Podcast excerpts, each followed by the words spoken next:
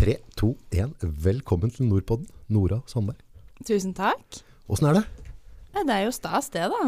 Ja, få komme i pod liksom på Hamar og greier. Det er stas. Ja. Ja, Det gårdbruka dro til Hamar på slakt før. Ja, det er jo koseligere det her, da. det er litt Det er jo det. Litt sånn, du er, du er gardbruker ut til eh, de påmalte fingerspissa dine, holdt jeg på å si, negla. Ja. Ja, eh, jobber 170-200 som gårdbruker. ja, det har jeg ikke turt å regne på. Nei. Det er ordentlig gardsjinte. Ja. Det kan vi si. Eh, og så har du vært ganske stor på Instagram. Ja, det er da noen som følger med der. Ja, det er derfor du sitter her. Ja. Ja, jeg så det på Instagram. Ja. Og så var det flere som uh, tipsa meg. Hun Ja. der må du prate med, August. For dette er, dette er eh, bra dame. Artig. Er ikke det litt stas? Det er jo det. Ja.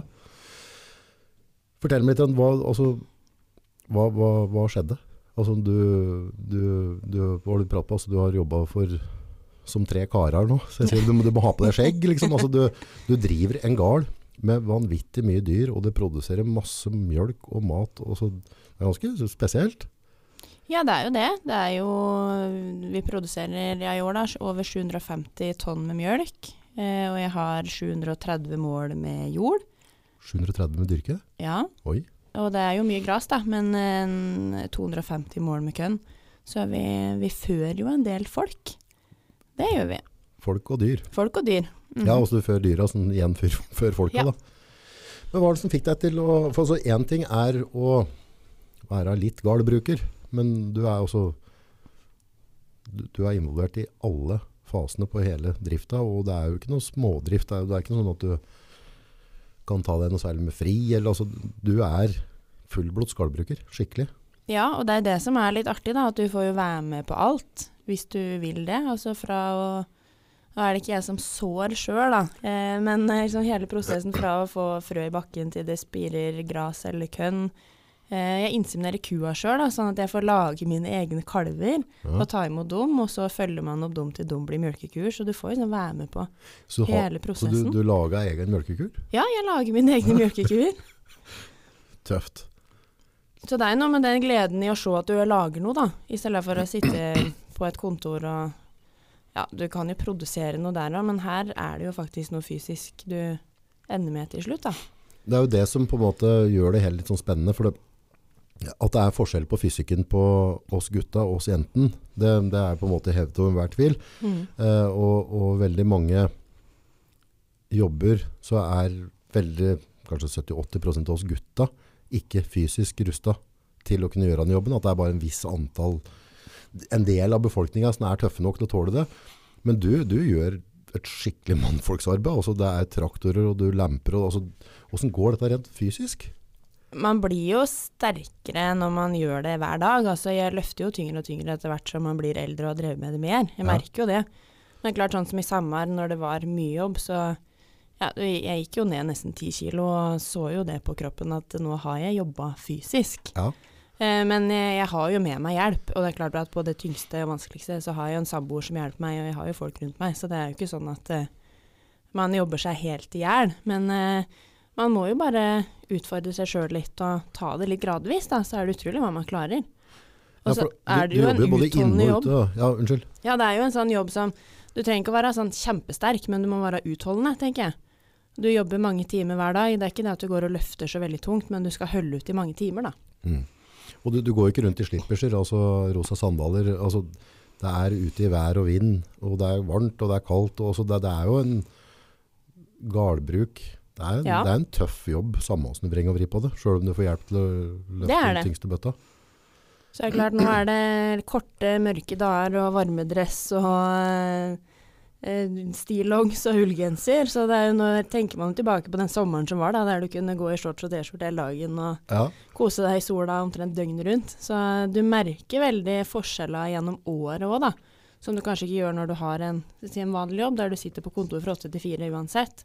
Mens her er det om å gjøre å utnytte de lange dager på sommeren og gjøre mye da, og så ta det litt roligere nå. Du kjenner jo det at eh, kroppen merker jo at det er mørkere og mindre fristende å jobbe lange dager nå. ja. Ja, for det er noe med du skal opp tidlig om morgenen og ut, og du skal Ja. gå over tunet, og du skal ut i fjøset, og, og det kan være bitende skaldt. Og jeg ser jo det på storyen, at du er ofte rød, rød, rødlett i kinnet, og at det er altså friske, gode kinn da. Ja, det blir jo det. Og, og vet ikke hvor mye av, mye av tida jobber du ute liksom, nå på vinteren. Altså, jeg skjønner at du er inne i fjøset, men jeg ser du driver ved siloen, og du, altså, det er mye utearbeid. Ja, det er jo litt ute. Eh, det er jo det å lage fòrlast ute, gjerne dyr som går ute. Men det er jo mindre ute nå enn det er på sommeren, for vi prøver å få dyra inn, og det er, så, det er jo ikke noe som skjer på jordet nå. Nei. Så det er klart det er jo mer innejobb nå enn det er eh, midt på sommeren. Det er det, heldigvis. Kan ta, altså, jeg syns at folk skal gå inn på Instagram. Uh, og da er det Nora Sandberg. Mm. Der finner jeg der. Og så følger jeg der. Det synes jeg du bør gjøre. Og så kan du se, for der, der får vi en oppdatering i storyen din hele tida. Hvordan dagen ser ut fra morgen Ja. til kveld. Veldig koselig å følge med på. Du er veldig flink til å prate til kamera og komme med god, fin informasjon. Så, så det er, om du ikke er sånn superinteressert i gardbruk, så, så tror jeg vi alle har noe å lære av, av eh, Instagrammen din. Ja, Det er det som har vært et mål, da. At eh, hvem som helst kan lære lite grann. Og at det ikke skal bli kjedelig eller veldig komplisert, sånn at folk detter av. Men at du skal få med deg de som kanskje ikke har noe bakgrunn i det hele tatt. Så det er jo ja, det er målet. At det skal være lett for alle å lære seg litt om mjølkeproduksjon i Norge. Ja, for det, der uh, har du noen følelser rundt dette med på en måte Vi har gått til et samfunn der at uh, våre kjære små barn tenker at uh, hva, hvorfor trenger vi ku? Vi har jo mjølkemaskin. Ja, mjølka er jo på butikken, den. Ja, på butikken, den. Ja. Og, og hva, hva, hva er det du brenner for der på en måte av informasjon? For jeg ser jo den på den eh, Du har jo veldig mye følgere allerede. Men du er veldig god på, på å informere om hva, hvor maten kommer fra. Men hva, hva, hva ønsker du å oppnå? Nei, det er det at jeg føler at eh, Ja, mange vet ikke, eh, og så er det mye feilinformasjon ute. Du har jo de dyrevernere som tar veldig mye plass, og som kommer med sine sannheter, da. Om at eh, kuen har det fælt, og de står bønner på bås og får ikke være ute. og ja, sånn som meg, da, som driver en ganske stor gard. Det blir sånn fabrikk- og industrilandbruk. Men klart, jeg går i fjøset og har navn på dyra mine og ser forskjell på hver enkelt. Bare viser fram det. Fordi at jeg syns at de får så mye plass og tar så mye plass, og da tror jo folk mer på det enn det vi gardbrukere faktisk føler på kroppen. Men eh, vi må tørre å ta den plassen, og jeg tror det er mange som syns det er litt skummelt. Å stå fram og vise fram hva man gjør. Og det jeg gjør, er jo bare å vise fram helt vanlig hverdag.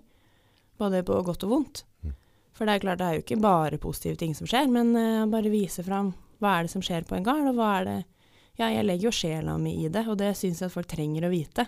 At den mjølka, den mjølkeliteren på butikken, det ligger ganske mange timers jobb bak den. Du ned- vet navnet på husen laga, holdt jeg på å si. Altså, Ja, jeg jeg for gjør jo en det. ku er ikke ei ku. Det, det, mange tror liksom at, eh, at alle kuer er kuer, men for Ja. dekk så er kuen personligheter og navn og Ja, det er individer, det. Ja.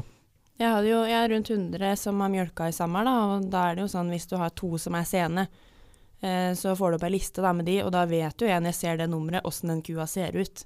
Om den er svart eller brun, stor eller liten.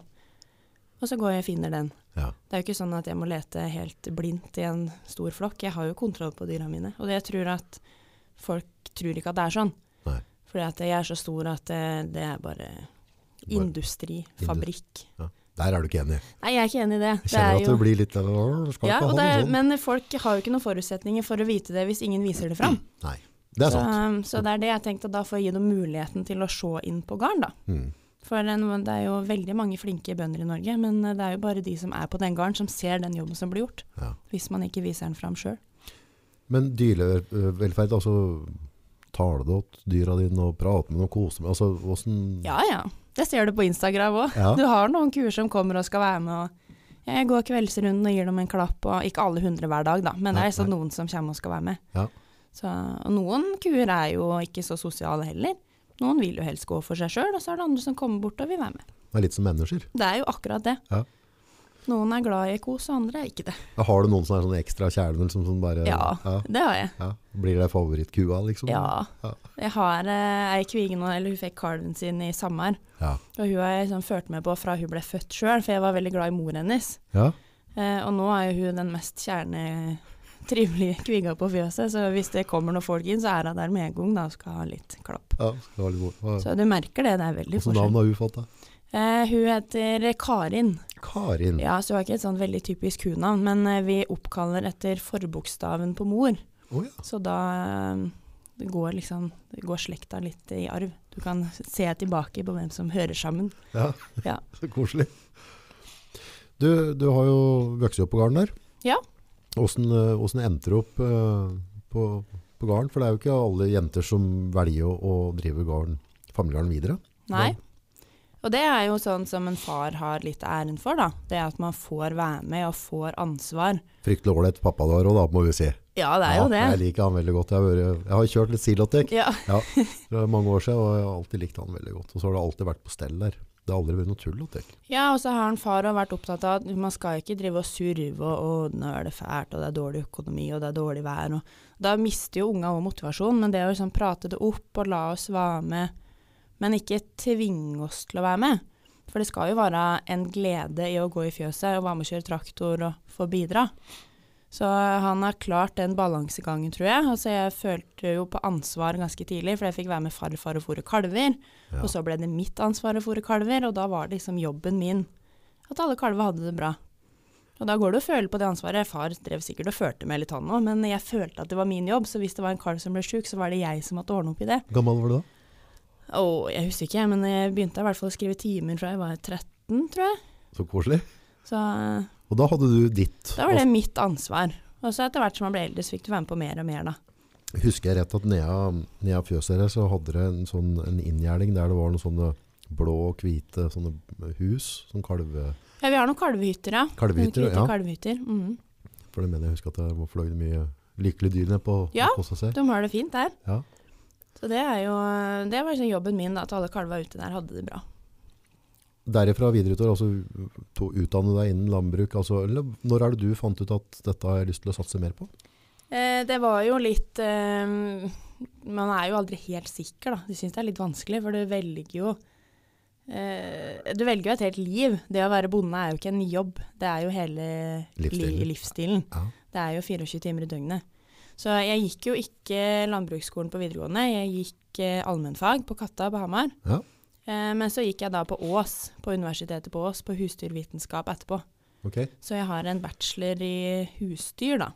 Så det jo Husdyrsvitenskap, nå må du jeg er ikke ja, på skolen. eh, jeg har gått avl og fòring og ja, jeg kan litt om ku, da. Litt om ku. Ja.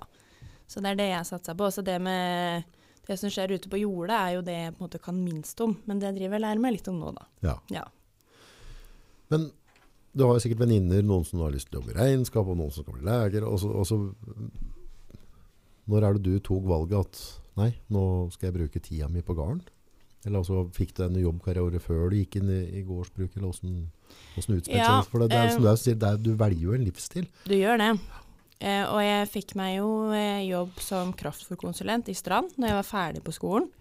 Eh, det var jo relatert til det jeg hadde gått. Det var jo fòring av ku, som jeg drev med da. Hva gjør en kraftfôrkonsulent? Eh, du reiser rundt i bønder, og så sier de eh, at eh, nå har jeg et problem med det og det, jeg tror det kan være kraftfòret sin skyld, hva skal vi prøve da? Ok.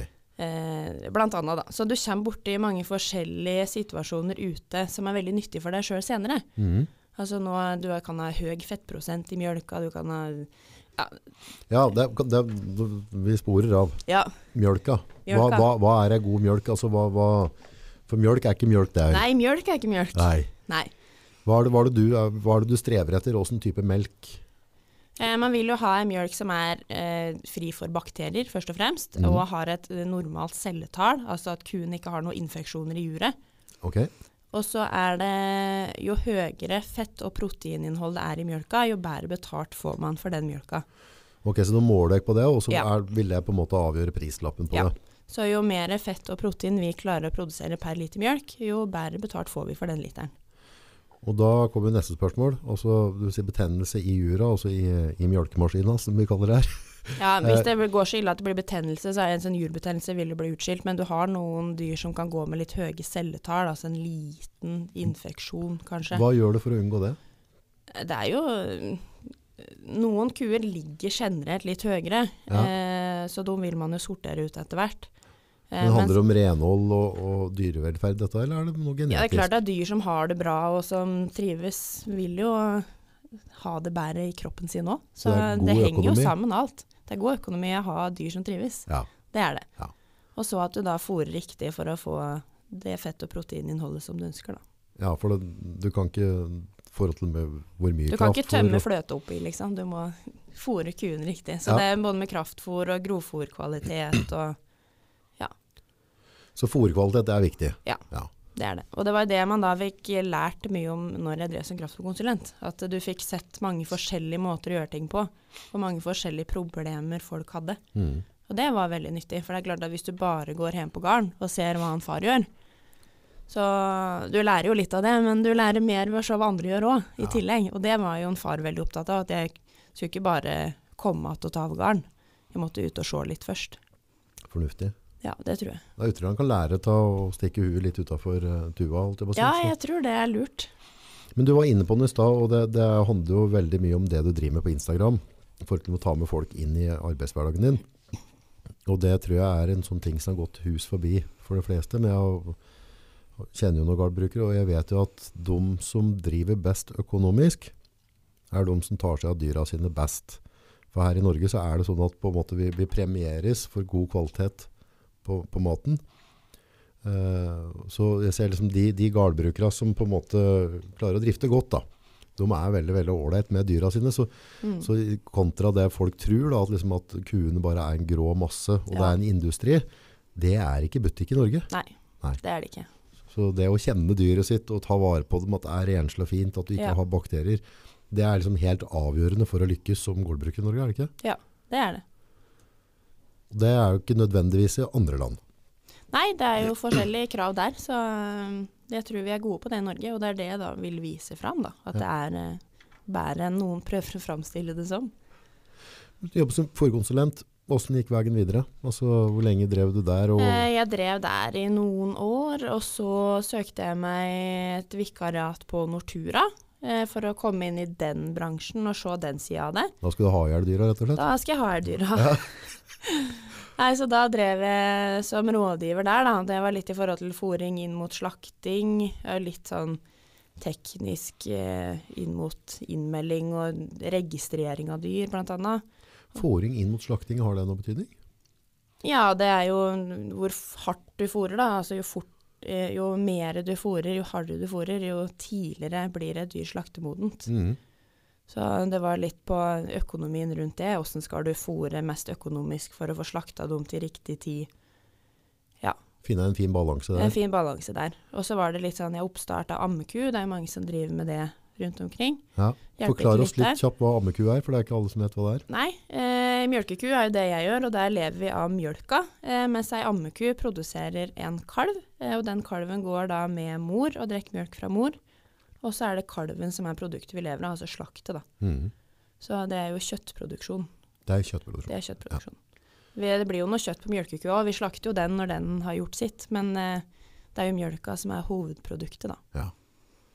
Så kalv, kvige og melke. Og kvige og også, for det der òg er det noe en, en ut... Altså, hvis du forklarer folk litt, her, eh, hva er en kvige? Eh, kvige er jo et eh, huddyr som ikke har fått kalv ennå. Ja. Det er jo Kviga blir til ku den dagen kalven kommer. Da går det over å bli mjølkeku.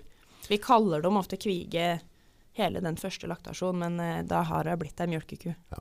Så før ei ku kan bli en mjølkeku, så må hun ha vært mor sjøl først. Ja. Ja. Og da utvikler da spener og kan begynne å produsere Ja, melk. Ja, spenen er der, men eh, de, mjølkeproduksjonen kommer. Det er jo som vi, vi har jo pupper vi og fram til ungen blir født, men det kommer ikke mjølk der før ungen er ute. Nei.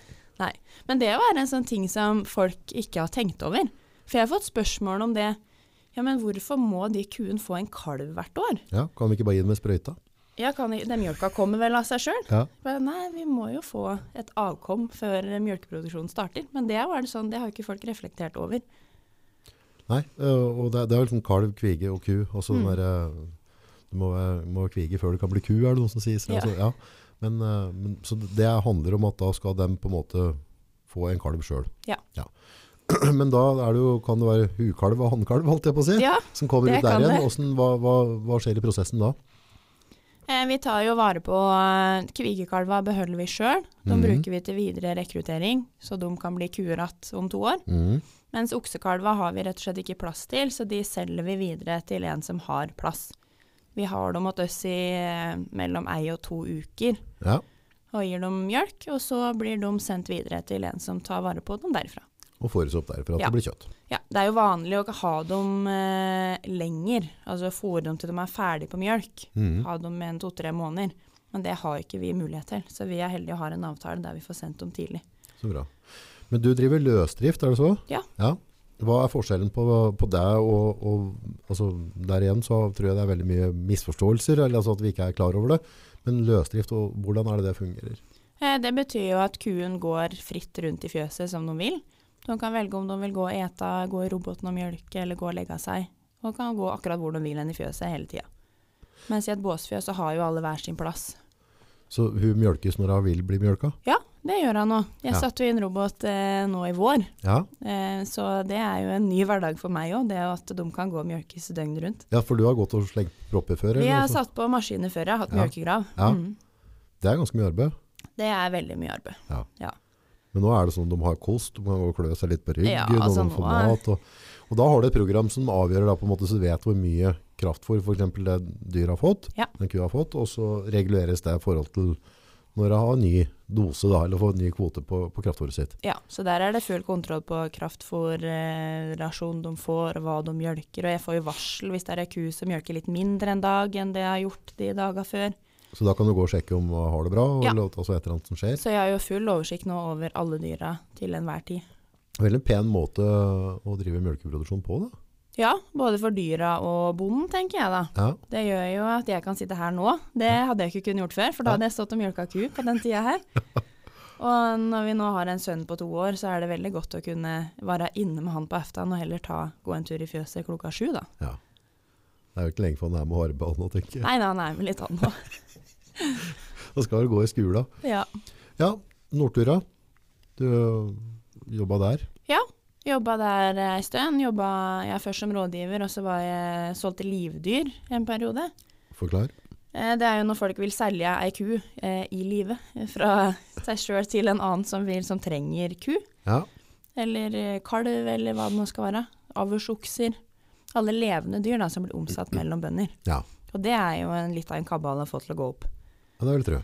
For folk har jo ønsker om når den kua skal kalve, eller hva slags egenskaper den oksen skal ha, og så skal det stemme sånn passelig geografisk. Så det var eh, litt av en jobb, men det er jo moro å ha vært med og prøvd det òg. Ja, for en okse er ikke en okse der. En okse er ikke en okse. Nei. Det er det ikke. Eh, og, og der kan du også prate litt rundt det i forhold til at dere har forskjellige typer da. Ja. Eh, Det er jo flere raser på kjøttfe, da, eller de ammekuen. Mm. Og da vil du ha en okse som er av riktig rase, og så vil du ha en okse som ikke er i slekt med de kuene du har, for det kan jo også skje. Innavl. Innavl vil vi jo ikke ha. Nei. Og så er det noen vil kanskje ha en okse som passer til store, gamle kuer. De vil ha liksom kraftige kalver som vokser bra og som blir gode slakt. Eller så er det de som skal bruke dem på mye kviger og vil ha litt mindre kalver. og En som passer til det, da. Lettkalver. Og de forskjellige merkene da på dyra, hvis du ser på som bilmerker, Ja. si. Eh, og det er jo litt unikt i Norge at vi har forskjellige slag dyr som passer bedre i forskjellige typer miljø og terreng, er det så?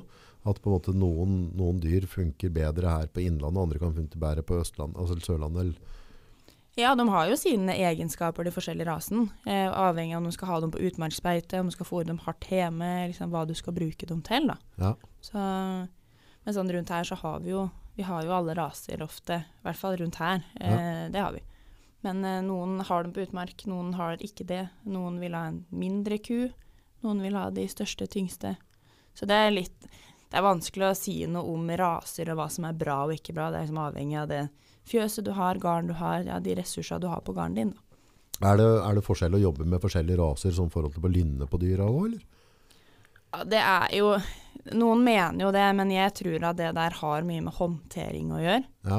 Eh, noen raser har jo dårligere rykte på seg enn andre, men jeg tror at hvis du håndterer de dyra fra de er små, Mhm. Så Når vi håndterer, så mener vi ikke å bikke dem rundt i gjørma og, og bryte med dem. Men, prate med dem, klappe på dem, liksom få dem til å bli vant med folk. Ja.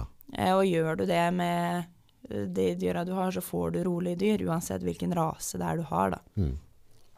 Det, det tror jeg. Jeg vet han, han, kompisen har eh, ammedyr, og så hadde han, han som leverer eh, noen dyr åt han da, hadde vært innom jula og hjertet med et eller annet.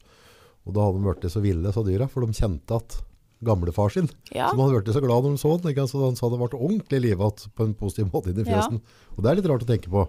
Så han syntes det var ganske sånn frakt å se sjøl, liksom at han tydeligvis håndtert dyra såpass godt Ja. at de husker den. ja, men kuer husker, og kuer skiller på folk. så Gjør de det? ja, Skikkelig? Ja. Ja.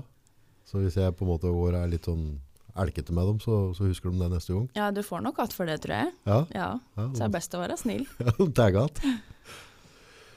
Men jobba du på gården samtidig som du drev for Nortura, eller var det Ja, jeg tok jo eh, Jeg jobba mye helger og ferier og litt sånn, da. Så jeg har jo alltid prøvd å være med litt. mm, Det har jeg. Det var mens jeg gikk på skolen og sånn, og det. Så jeg var jo hjemme igjen i helgene og jobba. Når er det du tok over som eh, fulltidsbonde, og hva, hva fikk deg til å satse alt nå? Eh, vi tok over, både jeg og samboeren min tok over hver vår gard oh, ja. eh, for to år siden. Ja. 1.1.2020 Såpass? tok vi over. Og eh, det er jo enklere, tenker jeg, når man er to òg, fordi at vi, vi vet hva vi går til. Samme interesse. Ja. Vi er Mm. oppvokst med det begge to og vet at nå blir det mye hard jobbing nå i starten, fordi at vi skal liksom bygge oss opp og komme oss litt inn i det her. Eh, og det går an når vi er klar over det begge to. Mm. Eh, I år så har vi hatt tre dager fri. Tre dager. Eh, vanlige folk har jo to dager hver uke. Ja. Vi har hatt tre dager i løpet av hele året. Du har ikke hatt helgefri, eller? Nei, kuen bryr seg ikke om det er søndag dum. Så, Så det, det, er ikke sånn, det er ikke økonomi nok til å ha avløser og gi deg mer fri der? nei, vi har jo med litt hjelp, men det er jo, jeg er jo ofte innom fjøset og gjør litt, da. Mm. Det er jo ikke alle dager som er like lange. Jeg har jo, sånn som nå, så har jo jeg hun andre i samdrifta som driver i fjøset. Mm. Så derfor kan jeg være her. Men Ja. jeg var jo i fjøset i dag tidlig og skal dit etterpå. Ja. Så jeg har jo ikke helt fri. Så jeg har tre kvelder som jeg ikke har gått kveldsrunden i fjøset. Ja, Da har jeg det. vært borte. Blir ikke lei av. Nei, det er bare på mitt andre år, da. Så jeg må holde ut litt til. Andre, sagt, andre måned. Nei, det er jo det her vi har lyst til å gjøre. Og så vet vi jo det at nå er det jo mye jobb i starten, og vi har brukt veldig mye tid, eh, særlig på gården min i år, da, med å bygge om fjøset, sette inn roboter. Vi fikk flytta inn den nye velferdsavdelinga nå den 22. desember. Velferdsavdelinga. Ja, de skal ha det bra. Ja, og hva, hva har du liksom ordna til der, da? Eh, der kan de gå, de som nærmer seg kalving, eller de som kanskje har fått litt vondt i et ben, eller som trenger å trekke seg litt unna de andre. Spiller du litt litt rolig musikk og sånn, eller? Ja, burde ha gjort det, egentlig. Ja. Så der eh, kan de være litt mer i fred, da. Så da er det mindre trøkk der, da. Ja, det blir en mindre gruppe som eh, går der. Da kan de eh, ja, slipper å konkurrere med så mange da, om maten og plassen. Og Ja, for det er en dyreverden når alt kommer det til alt. er en dyreverden. Så én ting er liksom at vi skal være snille med dyra, men de er ikke snille med hverandre. Nei. Nei, det, ofte er de jo det, da. Men eh, den der eh, rangordninga i fjøset, den er ganske tydelig. Er du plaga med mobbing der, eller? Ikke, jeg tror at fordi det er så mange av oss, så er det lett å komme seg unna. Ok, ja. Fordi at eh, du har jo noen tapere, men når det blir så stort, så har du liksom mulighet til å finne deg en rolig plass og liksom din egen lille gjeng med tapere, da. Jeg tror nesten det er verre i en litt mindre flokk, da, at det, det er lett at du får noen offer, kanskje. ja. Hva gjør de andre dyra mot den da? Er det sånn dere stanger Jeg hverandre? dytter dem unna maten og tar liksom sengen fra dem og dytter dem unna roboten. Og. Ja, så da må du passe på på en måte at de slipper til, da, at de får Ja, jeg må følge med på at alle får gått i roboten som de skal, og sjekke at de ikke blir tynne, da, at alle får ete, og at det er eteplass nok til alle, og at det er fôr nok. Sånn at du ikke har noen som, som taper, da. Blir det dyr fort tynne, og så, Ja, du ser det på dem. ja, det kan gå ganske Ja. kjapt hvis de ikke trives. Ja, nå gjør det. Så, så det er om å gjøre å følge med litt. Det blir sånn der, øh, Jeg syns synd på deg og misunner deg på samme tida. For det må jo være fantastisk å ha en jobb du er så glad i at du kan sitte her og, og se rett fram og smile og si at du bare har hatt fri tre dager i år. Da må Ja. du være fryktelig, fryktelig glad i, i både garn og familien din og dyra dine. Ja, Og ikke minst yrket ditt, da. ja, det er jeg jo. Og så er det jo noe som vi har prata på, sånn som i sommer, da, når det var veldig mye jobb. Så eh, han Christian, samboeren min, hadde, har dyra sine til fjells på sommeren. Og da er jo en del av den jobben er jo da å reise opp og se at de har det bra. Mm. Og hvis man da tar med seg eh, ungen på to år og litt mat og tar det som en tur, så er jo det på en måte en liten, ja, liten ferietur for oss, da, sjøl om det er jobb. Ja. Det gjelder liksom å prøve å kose seg litt med de tinga man faktisk må gjøre. Det gjelder å være positiv, skjønner jeg. Ja, Ja. og sånn eh, i sommer når det var mye Hadde jo mye lange morgener i fjøset. Da var det å smøre matpakke til en veslegutt som satt i vogna og spiste brødskive med leverpostei og så på kalva og syntes det var helt topp. Ja. Men det var jo fordi at mor måtte jobbe. Men han syntes det var kjempefint. Så koselig, ja. Så jeg tror bare man må være flink til å kose seg i det man gjør, sjøl om det er mye jobb, da. Hvordan ser en, en sånn typisk dag ut for deg? Altså hvor, når, når begynner vi på morgenen, og når, når avslutter vi? Eller hva gjør du liksom gjennom en dag? Da? Hvis du tar med Nå skal jo dere gå inn og så følge henne på, på Instagram. Nora Stenberg. Sandberg. Sandberg, unnskyld, Sandberg. Og gå inn der og følge, så får du se litt der. Men fortell oss litt gjennom en dag. Akkurat nå er det jo stille. Eh, nå er jeg oppe sånn rundt halv sju, Ja. eh, og da er det jo å fôre kua som er hovedjobben på morgenen. Eh, vi fôrer dem en gang om dagen, så da kjører vi nok fôr til et helt døgn. Fore hva Kjører inn eh, et lass med silo, halm og gulrot for dem nå. En god blanding der. Ja, og du lesser opp med traktor eller hjullaster, eller åssen gjør du dette her? Ja, jeg lager fòrlasset dagen før. Jeg fyller opp i ei vogn, Ja. eh, lagvis med halm og gulrot og silo på toppen. ja. Og så kjører jeg inn det. Eh, jeg må ha inn to lass, så jeg må lage et til på morgenen for å få inn det. Traktorlass. Så da får de det, og så er det å følge opp robåta, se at alt er bra der, at alle kuene har gått, at det ikke er noe, ikke er noe feil med noen ku, da. Noen Mm. som er blitt sjuke eller sånn. Og så har jeg en gjeng med kviger, da, som Ja. ikke har fått kalv ennå. De Ja. går i sin egen avdeling, og de skal jo ha mat. Og så har jeg hatt noen få som fortsatt går ute, eh, i noen hytter ute. Ja. Så de skal ha Det er òg kviger. Ja, det er kvikalver. Mm. Kvikalver. Ja, de er født i år. Fra kalv til kvige og til ku, hvor lang er den prosessen? Ja, fra, fra fødsel til de kalver sjøl, så skal det gå ca. to år. Oi! Ja. ja, det er ganske lang tid. Ja, det er ikke gjort i, på 1, 2, 3 å lage en mjølkeku. Nei.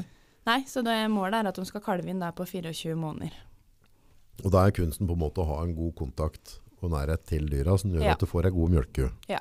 For det dette er jo på en måte kollegaene dine, så du skal jo ha samarbeid det. med dem. Så hvis du har en flokk med 100 gærne kuer som ikke tåler trynet ditt ute i fjøset, så er det jo ikke noe koselig å gå der, da. Nei, da blir det litt kjett å være på Det arbeid. blir stusslig. Så det er om å gjøre å begynne det, den jobben fra de er små, da. Og det tenker jeg er litt av fordelen med å ha dem i de hyttene som vi har.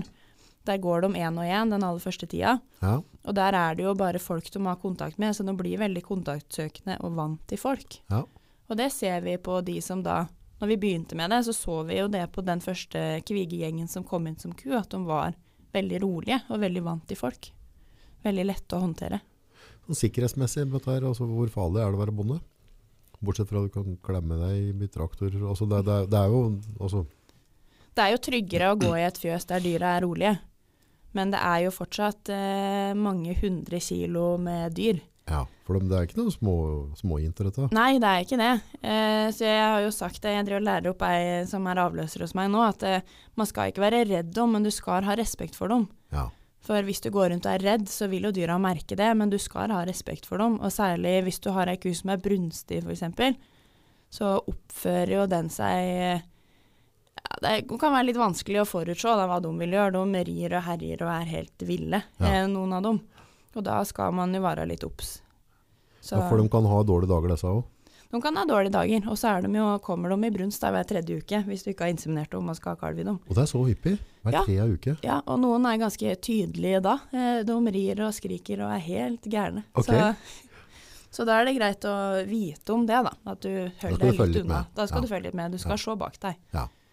Har du på en måte Jeg skjønner jo hvis de er veldig oppgiret, så ser du det. Men er det andre ting du ser etter på dyra for på en måte som en fair warning da, på at nå må jeg følge litt ekstra med her?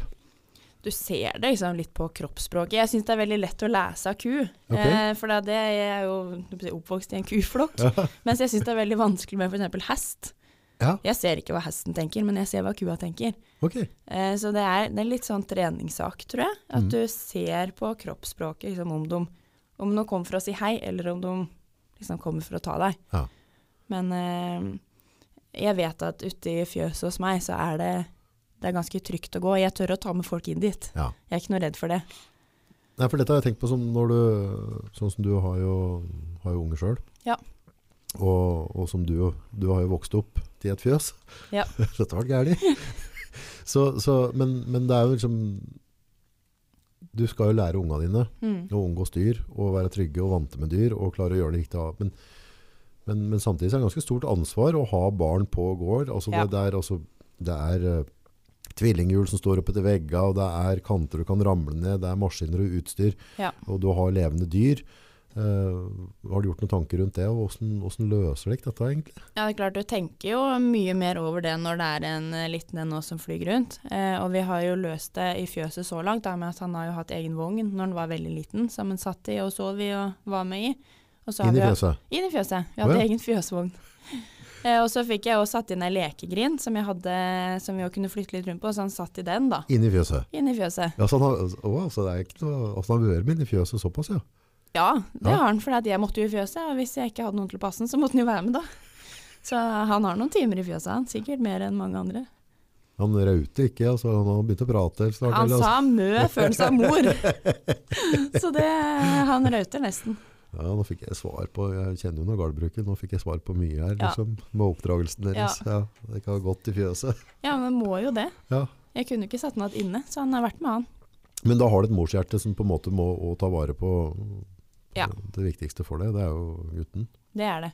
Så det er klart at han eh, Det er jo derfor jeg også gjør mye på kveldstid etter at han har lagt seg. fordi at eh, han er jo ikke redd ku. Nei. Han er jo vokst opp der og løper rundt med kalva og syns det der er det artigste i verden. Ja, Så han, eh, han har ikke lært seg helt den respekten enda. Man prøver jo å fortelle at de store kuene er farlige, men å, ku! ku. Og så skal han bort der, så det er det å passe på han der. Vi slipper jo ikke han ut i flokken, sjøl om jeg er et veldig rolig dyr, men han er jo brå i bevegelse og kan sikkert at de skvetter litt, da. Ja. Det er ikke at de tar den med vilje, men det er klart at du får noen brå bevegelser på kua også, som kan være farlig, da. Dette er jo litt sånn interessant sånn der med samfunnet generelt, for vi, um, meg inklusiv, jeg vet ikke om foreldrene våre ikke var så glad til oss, eller hva det var, men vi, det var ikke så strengt rundt oss før.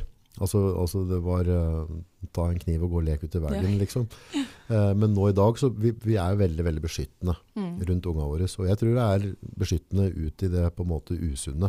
Med at de, de får ikke prøvd seg, de får ikke lært. Men dere gårdbrukere, dere har jo den gode gamle barneoppdragelsen med at de må lære seg både farer, og at det kommer gradvis. Og det tror jeg kan være veldig sunt.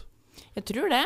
Uh, for jeg ser at han er jo veldig han, ja, han skjønner jo litt, da. Det der med å ikke løpe foran traktorer og sånn. At det, når det er en traktor som kjører, da må vi stå rolig til traktoren har stoppa og liksom far har kommet ut. Ja.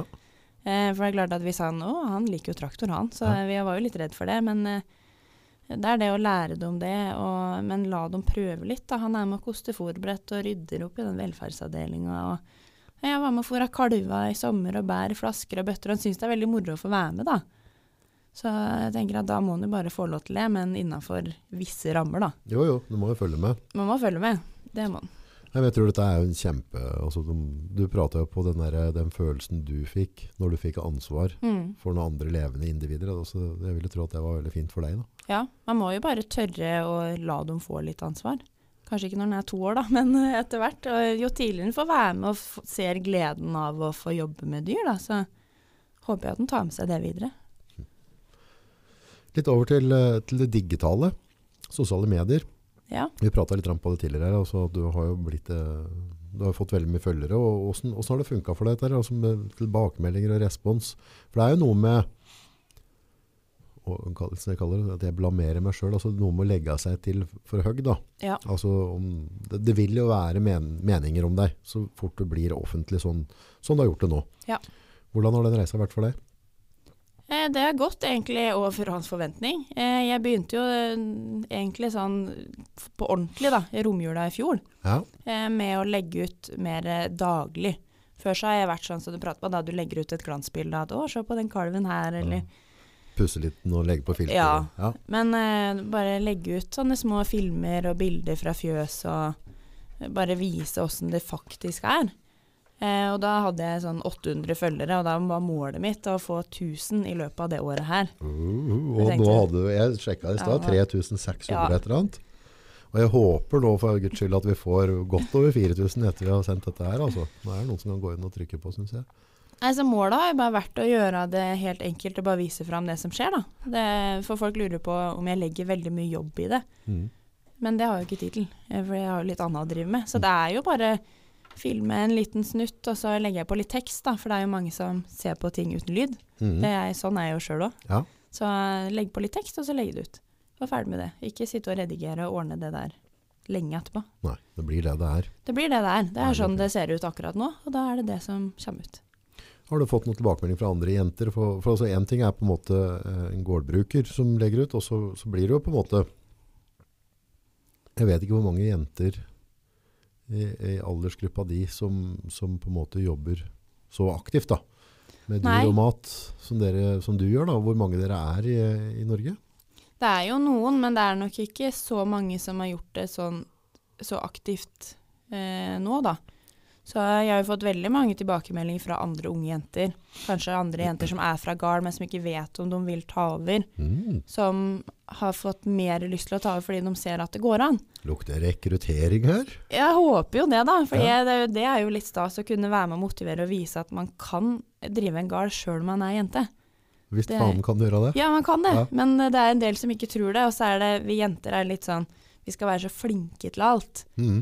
Vi skal helst være utlært før vi begynner. Eh, det er mange som har spurt sånn Ja, men hva er det jeg må lære meg for å ta over garn? Men det er sånn, du må bare være med og prøve, og så må du bare ta over, og så må du lære deg ting etter hvert. Bare sånn, eh, når jeg skulle ta over, jeg hadde jo aldri drevet med regnskap og den biten det der. òg, vet du. Du skal Det jo er være ganske økonom også. mye økonomi bak det her, og mye papirarbeid. Og det var jeg jo litt spent på, men det er jo bare å spørre om hjelp. Og bruke regnskapsføreren, og bruke en far, og bruke noen som kan det, da. Og så lærer man seg det jo etter hvert. Og én ting skal ha folk ha helt klart for seg, sjøl om eh, det, det, det er en av de tingene som frustrerer meg. Da. Det er jo ikke sånn dritenkel regnskap å drive gard i dag. Nei. Altså, vi, vi, vi stemmekveget, ikke det kveget som går ut i fjøset ditt, men stemmekveget. Vi har vært litt sånn uforsiktige med bruken av stemma vår, og så syns i hvert fall jeg da at vi ikke har satt pris på dem som produserer maten vår. For dette er jo en, en direkte verdiskapning Mm. på veldig mange måter. En ting er på en måte vedlikehold av gård og hva dere skaper av arbeidsplass ute på slakteria, i Tine også rundt. Altså det er mye det er mye energi som skjer rundt et gårdsdrift. da. Mm. Men det er tøft å være gardbruker i dag rent økonomisk, for hvis du ikke har tunga rett i munnen der, så konker du. Ja, det er jo ikke veldig mye å gå på der. Og ja, senest nå for et par uker siden så fikk vi beskjed om at melkeprisen skulle ned. Ja, strømprisen opp og mjølka ned. Ja. Ja, Og det er regnestykket et regnestykke som går litt dårlig, da. Ja.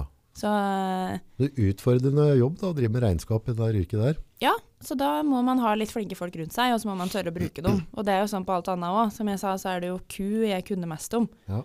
Men sånn som nå, da, eh, i år, så Du skal jo høste det gresset på perfekt tidspunkt for å få best mulig gras gjennom vinteren.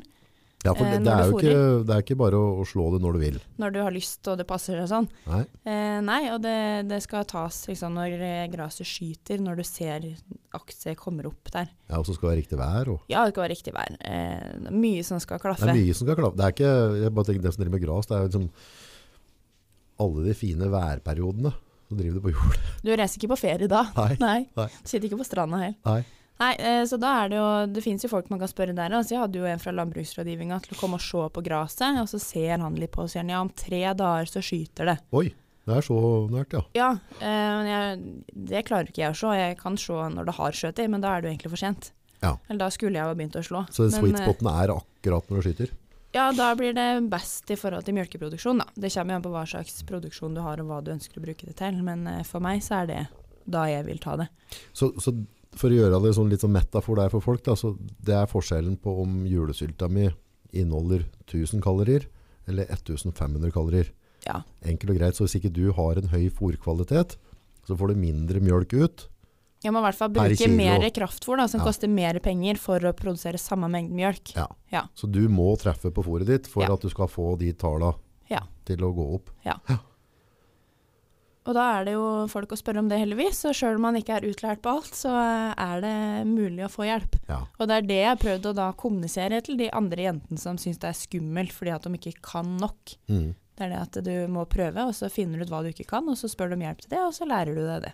Er det noen ting du føler at jentene har der de har minst trua på seg sjøl, eller hva- er det som gjør at kanskje ikke jentene at de nøler da, med å hoppe til det? Det er klart at Den maskinbiten har jo vært en sånn gutteting. Ja. Det å kjøre traktor og drive Men det er jo en typisk gutteting. Jeg ser at du kjører Ja, jeg Ja. kan jo kjøre traktor jeg òg, Ja. men uh, jeg gjør det jo i mitt tempo, da. Jeg kjører jo fortere nå, men det er klart at det Man må jo bare begynne en plass. Ja, for det er- handler ikke om det er en gutteting, det handler om om du har gjort det eller ikke. Ja, man må jo bare prøve. Og så Ja. må du tåle at eh, ok, da kanskje jeg kjører saktere enn den far gjør, eller samboeren min gjør, eller de andre gutta gjør. Mm. Men jeg, Krasjer litt mindre ofte, ja, du krasjer litt mindre, gjør litt mindre feil, Også når du har gjort noen ganger, så kjører du kanskje like fort. Ja. Det var sånn som i høst, så kjørte jeg mitt eget kønn ned på kønnsiloen. Oh, ja. Og det er jo litt kult. Ja, Men jeg kom jo igjen med digre svetteringer under armene, for Ja, ja. jeg syntes det var dritskummelt. ja, ja, ja. Men det gikk jo fint. ja, for når du kommer med stor traktor og henger, og du skal kjøre deg ned, så ja, du tar skal kjøre plass. ned til Storhamar her, da. Det Ja. er jo gjennom hele byen, og så kommer du diger traktor og tungt lass på hengeren, og skal du ordne deg til innpå der og Ja, du skal rygge inn og treffe, og ah, Så det blir jo litt da svett. står gutta og følger med. Da. Ja, de gjør jo det. Treffer han nå, eller må fram igjen og rette opp igjen? Ja, Så hvis du da kjører sakte og pent og får det til, så er det jo en skikkelig mestringsfølelse. Er ikke det deilig hvis du slipper å rette opp på og du bare rigger Ja, ja. på plass med en gang? Heldigvis kan man kjøre igjennom, da, så du slipper Ja, å du rygge kjører gjennom. okay. Ja, du gjør det. Ja. Ja, det er sånn viktig for meg hvis jeg skal rygge en sted. så hvis jeg må, liksom, hvis jeg må rette opp, da, da knuser jeg hele hverdagen min. Jeg må treffe på første, liksom. Det er litt- veldig viktig. Så du tror det er mye maskinbiten som gjør at jenter Ja, kanskje ikke bare det, men det er klart det er jo en sånn ting som kanskje fortsatt henger litt, da. Men Mm. der har jo en far og vært sånn, jeg har jo fått vært med jeg, han har jo ikke noen gutter å lære det bort til, så det har jo vært meg, da. ja. Så um, man må bare sette seg i traktoren og prøve. Er en far stolt, eller? Jeg håper det, da. Håper det. Ja, Vi fylte jo kvota da i år, så det var jo litt stas. Så nå har vi klart den produksjonen vi skal. Og Ja, for det er ikke- sånn omtrent. Ja. Det er ikke en selvfølge at du fyller kvota. I fjor gjorde vi ikke det. Nei. Nei da bomma jeg med 100 tonn. Oi da. Ja. Hva er det som kan gjøre at den bommer, holdt jeg på å si? Altså, hva har du gjort annerledes i år, da? Eh, det som skjedde i fjor, det var jo at eh, Tine justerer forhåndstallet. Altså hvor stor del av kvota vi har lov til å produsere. Mm. Det kan de justere hvert år. Ok. Og eh, i starten av 2020 så skulle vi produsere 96 av kvota. Mm. Fordi at eh, mjølkeforbruket går ned, folk drikker mindre mjølk. Men så kom koronaen, og grensa stengte, og folk var mer hjemme. Og da drakk vi mer mjølk. Ja. Så da økte de opp til 105 Ja. ja. Og det er en økning som ble litt stor for oss. Pluss at vi hadde nok ikke klart den, det, det vi skulle ha gjort her, men vi hadde ikke bomma så mye på den kvota. Men det er noe med å ha nok dyr, ha nok fôr. Eh, vi hadde litt for mye sykdom den sommeren. Så gjorde at vi mista noe dyr. Ja. Og da taper du jo noe produksjon. Ja. Så det er mye som skal klaffe da, for å fylle kvota. Er det noe gjennomsnitt på mye ku laga av mjølk i døgnet? Eh, mjølk i døgnet varierer litt gjennom laktasjon. Nå hjemme så ligger de på 26 liter omtrent i døgnet. Men nå er de på tur ned, da. Nå mjølker alle dyra mine mindre. For vi begynner kalvinga i februar. Ja. Så mm, når vi var på det beste, så var vi på ja, godt over 30. Ja. Det lå på så vidt på 40, men det var en liten periode. Men det, det er justering av fôr? Eller er Ja, og så er det ei ku da, som kalver, eh, vil gå fort opp i mjølk. Eh, og mjølke mye, og så vil det gradvis gå nedover til å slutte å mjølke. Ja, ok. Og da må ha ny kalv? Ja, da må ha ny kalv. Og så går det opp igjen. Så sånn svinger det, da. Ah. Sånn at eh, det som er hos meg, er jo at eh, vi har, vi har ikke konsentrert kalving, men vi har kalving eh, på våren og sommeren. Ja. Sånn at hele flokken er liksom oppe der samtidig. Eh, sånn at på sommeren produserer vi veldig mye mjølk, mens nå på vinteren produserer vi lite. Ok, skjønner. Og det er jo òg med vilje, fordi at mjølkeprisen er høyest på sommeren. Men, men uh, hvor lenge kan du mjølke ei ku før man gir kalv? Eh, vi vil at de skal ha én kalv i året. En Så de mjølker i ti måneder, og så har de fri i to måneder før neste kalv kommer. Ja. Hvor lenge er kalven i magen? Og, og Det er ni måneder. Det er som på folk. Det er som på folk, ja. Ja. ja. Og da når du har kalven, så da mjølker de noe da underveis? Eller åssen når Eh, de vi mjølker jo fram til vi slutter å mjølke dem, da, to måneder før neste kalv kommer. Ja. Så de mjølker sjøl om de har blitt riktig med en ny kalv. Det gjør Ok. Blir det påvirka av hvor mye mjølk de laga da? Eller? Noen kan gå litt ned i mjølk når de blir drektige med en ny kalv, mens en del merker du det ikke noe særlig på. Ok, så noen dager, For det vil jo være noe energi som skal til for å lage nye Ja, men det er ganske lite i starten. Oi. Men det er klart, de to siste månedene, så er det, da har de på en måte fri fra mjølkinga for å konsentrere seg om å, at den kalven skal vokse ferdig, og at råmjølka skal lages til nye kalven, da. Råmjølk, der må du forklare litt, for det er mange som ikke vet det. Ja, Råmjølk er jo den første mjølka som kommer etter at kalven er født. Ja, Det er jo en veldig energirik mjølk. Ligner i noen tilfeller nesten på vaniljesaus. ja, Gul og tjukk. Eh, veldig bra mjølk for kalven. Da. da får den i seg masse vitaminer. masse og- energi og, og antistoffer, da, ikke minst. For en kalv er født uten antistoffer i blodet. Ok, Så den er ikke motstandsdyktig mot det som fins i fjøset. Den må ha råmjølk for å kunne tåle det smittepresset som er rundt. da. ok, så der er det rett og slett stoffer som gjør at den er børen forberedt på det miljøet han skal Ja. være i? Og hvis du da har ei ku som eh, ikke har bra nok råmjølk, så vil den kalven som da får den dårlige råmjølka, være mer utsatt for sykdom no. og død eh, videre, da. Yes. Så det vi gjør med de kuene som ikke mjølker, er jo veldig viktig for den kalven som da blir født. At vi steller pent med de dyra og fôrer dem riktig. Og for at den mjølka skal bli best mulig, så kalven skal få en best mulig start på livet. Det er ikke bare bare dette her. Nei, så sjøl om eh, de liksom er på ferie, så er det da på en måte den viktigste jobben nesten blir gjort. da. Da er det litt irriterende når dyrevernere, eller noen da, Ja. mener at du er slem med dem. Ja, Det er det. For det er ikke det som er tilfellet. Nei, da hadde det ikke vært så god butikk, som du sa. Det, hadde jeg vært slem med dem, så kunne jeg heller funnet på noe annet. på noe annet. Ja. Skal du være gardskjerring resten av livet? Eh, I hvert fall til eh, noen vil ta over gården, da. Ja, det, dette her er karrieren din nå. Du har bestemt deg. Du er trygg på det at dette er det jeg vil drive med. Jeg er jo det, eh, på en måte, for det er jo det her jeg har lyst til å drive med. Men vi har jo prata på det at eh, vi må jo ha økonomi til å kunne investere igjen om en del år, da, når det fjøset jeg har, som farfar har bygd, når det har gjort jobben sin og begynner å dette ned, så må vi kunne investere i noe nytt for å kunne drive videre. Og er det ikke det, så må man jo ta et valg. For sånn det ting er nå, da, med at eh, kostnader på materialer og betong og strøm og diesel og alt flyr til værs, og prisene våre er like eller går ned, så går jo ikke det regnestykket opp om noen år. Nei, For det, det er ikke nok Vi prater på i vanlige, vanlige forretninger, så har du på en måte en båndlinje hvor mye du sitter, men det er ikke nok på båndlinje her til å videreinvestere for videre drift. Ikke sånn det er nå. Eh, vi har jo investert en del nå, da, eh, så vi klarer oss jo ei stund. Men eh, det er spennende hva som skjer framover. For det er klart at jeg er ikke interessert i å ha tre dager fri hvert år de neste 20 åra. Nei, 30 åra. Jeg vil ha noen flere etter hvert. Og Ja. sånn, ja, når du har unger som skal ha skoleferie, og, så er det jo kult at de kan komme å si at vi har gjort litt mer enn å drive i fjøset. Da. Ja, om vi kan ha vært på badeland eller et eller Ja, annet. da, i en dag på badeland. Ja, Ja, kjempeferie i år. ja. Ja, for det vil du merke litt, for det, unga de er liksom som prater på hva vi har gjort i ferien Ja. og sånne ting. Hvis man bare følger ut på jordet, så blir det jo litt kjent da. Det gjør det. Eh, så er glad klart, nå er jo han liten og syns det er greit, men Mm. etter hvert så vil vi jo finne på litt mer. Ja. Men da må det ligge til rette for det. Ja, jeg har jo pratet til og med om bondeopprøret. Ja. Og det er jo det egentlig essensen i hva vi prater om der. Har du engasjert deg noe særlig rundt det, du? Eh, jeg har, eh, jeg har prata litt med dem og syns jo det er veldig bra det de har gjort. For det er jo viktig at det skjer noe nå.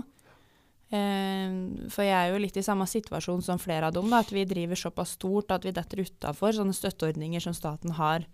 Eller som du kan få for å bygge nytt fjøs, f.eks. Ok. Eh, jeg søkte jo om støtte for å bygge nå, eller Mhm. bygge om det vi gjorde i år. Ja. Eh, men da er beskjeden at eh, du har for mange dyr, du er for stor, du får ikke noe. Men samtidig sier de at de vil at folk skal bli store. Ja, så det der er litt vanskelig. Og så er- tenker jeg det at jeg har jo stor gjeld fordi at jeg kjøpte en stor gard. Eh, jeg har en stor produksjon, så jeg leverer mye mat til det norske folk. Mm. Men jeg får ikke noe penger til å bygge om i et fjøs som er fra 67. Fordi at det, det allerede er et løsdriftsfjøs, mm. eh, og fordi at jeg har for mange dyr. Dette er, altså, ja, det er så typisk. For det er sånn Ja. at Hvis du prater folk Ja, men vi kan ikke drive og ha alle de små gårda rundt. For da det blir uøkonomisk ditt i datt. Altså, vi skal også når noen bretter opp armene og lager en full arbeidsplass av det og blir større, så skal vi straffe dem i andre enden der igjen òg. Ja. Uansett så blir det gærent, da, vet du. Det gjør det. Ja. Men jeg har jo tenkt det at uh, uansett hva som skjer framover, så vil jo folk fortsette å ete mat. Mest sannsynlig Det er jo det jeg trøster meg med, da, at det vil jo aldri gå av moten å spise mat. Tror ikke det? Og sånn vi har sett nå, da, med pandemi og stengte grenser og eh, så vil det jo være behov for norsk matproduksjon. Og Ja. da må vi etter hvert betale for den maten som er her. Ja. Det er det jeg trøster meg med, da. Enkelt og greit. Ja. Men det er litt rart, for, for dere som driver eh, jordbruk da, og, og, og produserer mat, dere har en enorm stolthet for, for jobben deres, og for dyra deres, og familien, og hva det ikke, altså på en måte, som farfar som har satt opp et fjøs, altså Mm. det, det, er, det er mye stolthet ute og går. Og så mangler det litt stolthet fra sånne som meg da, som sitter på utsida og ikke driver en gård. Stolthet for dem som faktisk produserer maten vår. Altså, det handler egentlig litt om holdninger, dette, tror jeg. Forståelse og det som er litt sånn fint da, når du Ja. er på Instagram som du er nå. Holdningsskapende arbeid Ja, rundt dette her. Ja, for det er det jeg tenker at da, man må jo vise det fram, så folk får opp øynene for hva vi faktisk gjør, og åssen ting er. Mm. For ellers så sitter folk hjemme hos seg sjøl og kjøper maten på butikken og er blide og fornøyd og kjøper den billigste kjøttpakka som ligger der, og tenker ikke noe mer over det. Nei. Eh, Jeg tror at folk bare må få opp øva litt for eh, hva vi gjør, og hvor viktig det er at vi kan lage den maten sjøl. Ja.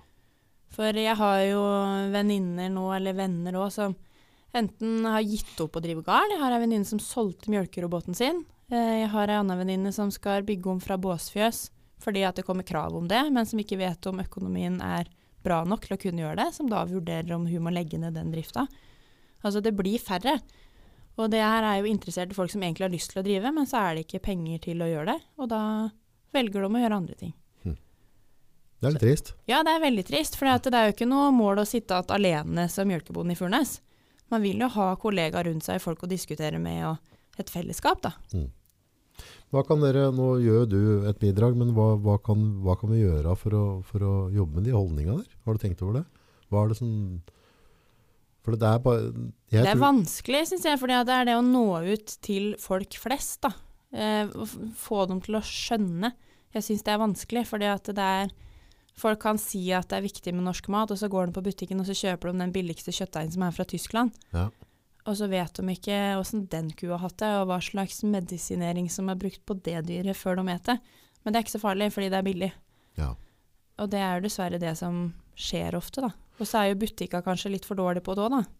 Ja, jeg føler at du skal sparke ballen over til butikka Ja. der òg, for det, jeg står jo meg selv nærmest da, som fryktelig mange andre, eh, og, og på en måte være bevisst og tenke at liksom, når jeg går og handler nå, om jeg nå skal spare 5 kroner kiloen eller 10 kroner kiloen, hva det nå enn er, den forskjellen er da, så tenker jeg ikke over det, for jeg ser bare på prislappen, jeg ser på kileprisen, og så Mm. plukker jeg med meg det.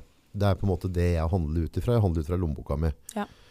Eh, og det er der vi kanskje må gjøre noe med holdninga, sånn at det på en måte at, eh, er det ikke sånn alltid? Altså, vi, vi er litt som kurer, vi alle. Vi, vi bare vi tralter på, Ja. og så følger vi, følger vi flokken. Så gjør vi masse ting uten at vi egentlig tenker helt opp. Vi har ikke tatt noe beslut, vi, har ikke gjort noe resonnement. Hvorfor, Nei. hvorfor gjør jeg dette? Jeg, nei, vi har alltid gjort det sånn. Og så, Mm. så kanskje der vi må alle Ja, folk må gå litt i seg sjøl. Og så tenker jeg at det er jo da kanskje lettere for noen hvis de har sett hva som ligger bak den norske mjølkeliteren og det norske kjøttet. Hvorfor skal jeg velge det foran noe annet? Ja. For nå vet jeg at eh, ja, sånn som kuen til Kristian har gått opp i Furnesalmenninga hele sommeren og kost seg der. og Hvor mye går det an å kose seg med han, egentlig? Nei, ja. Nei, nå tenkte jeg på en hovd igjen nå. Nei, dyra, alle, ja, de dyra går oppi der og har det Ja, fint om. ja. Så det er liksom Men folk må se det, og folk må tenke at ja, men da, da kjøper jeg heller det kjøttet, fordi at ja, det er kortreist, bra for klima, ikke minst. Og Det der med at rødt kjøtt blir jo stempla som klimaversting, og det er bedre å importere avokado og nøtter fra andre sida av jorda. Hørt man kan pisse på Ja, det er, og det er sånne ting også man blir litt oppgitt av. Sånn du frakteskip som skal dra det over. I Ja. verste fall skal vi få flydd jordbæra med fly, Ja, liksom. og det skal redde verden. Mens den kua som går oppi skauen der, den eh, Og gnager på ei busk. Det skal vi slutte med. Altså, det er, altså, ja.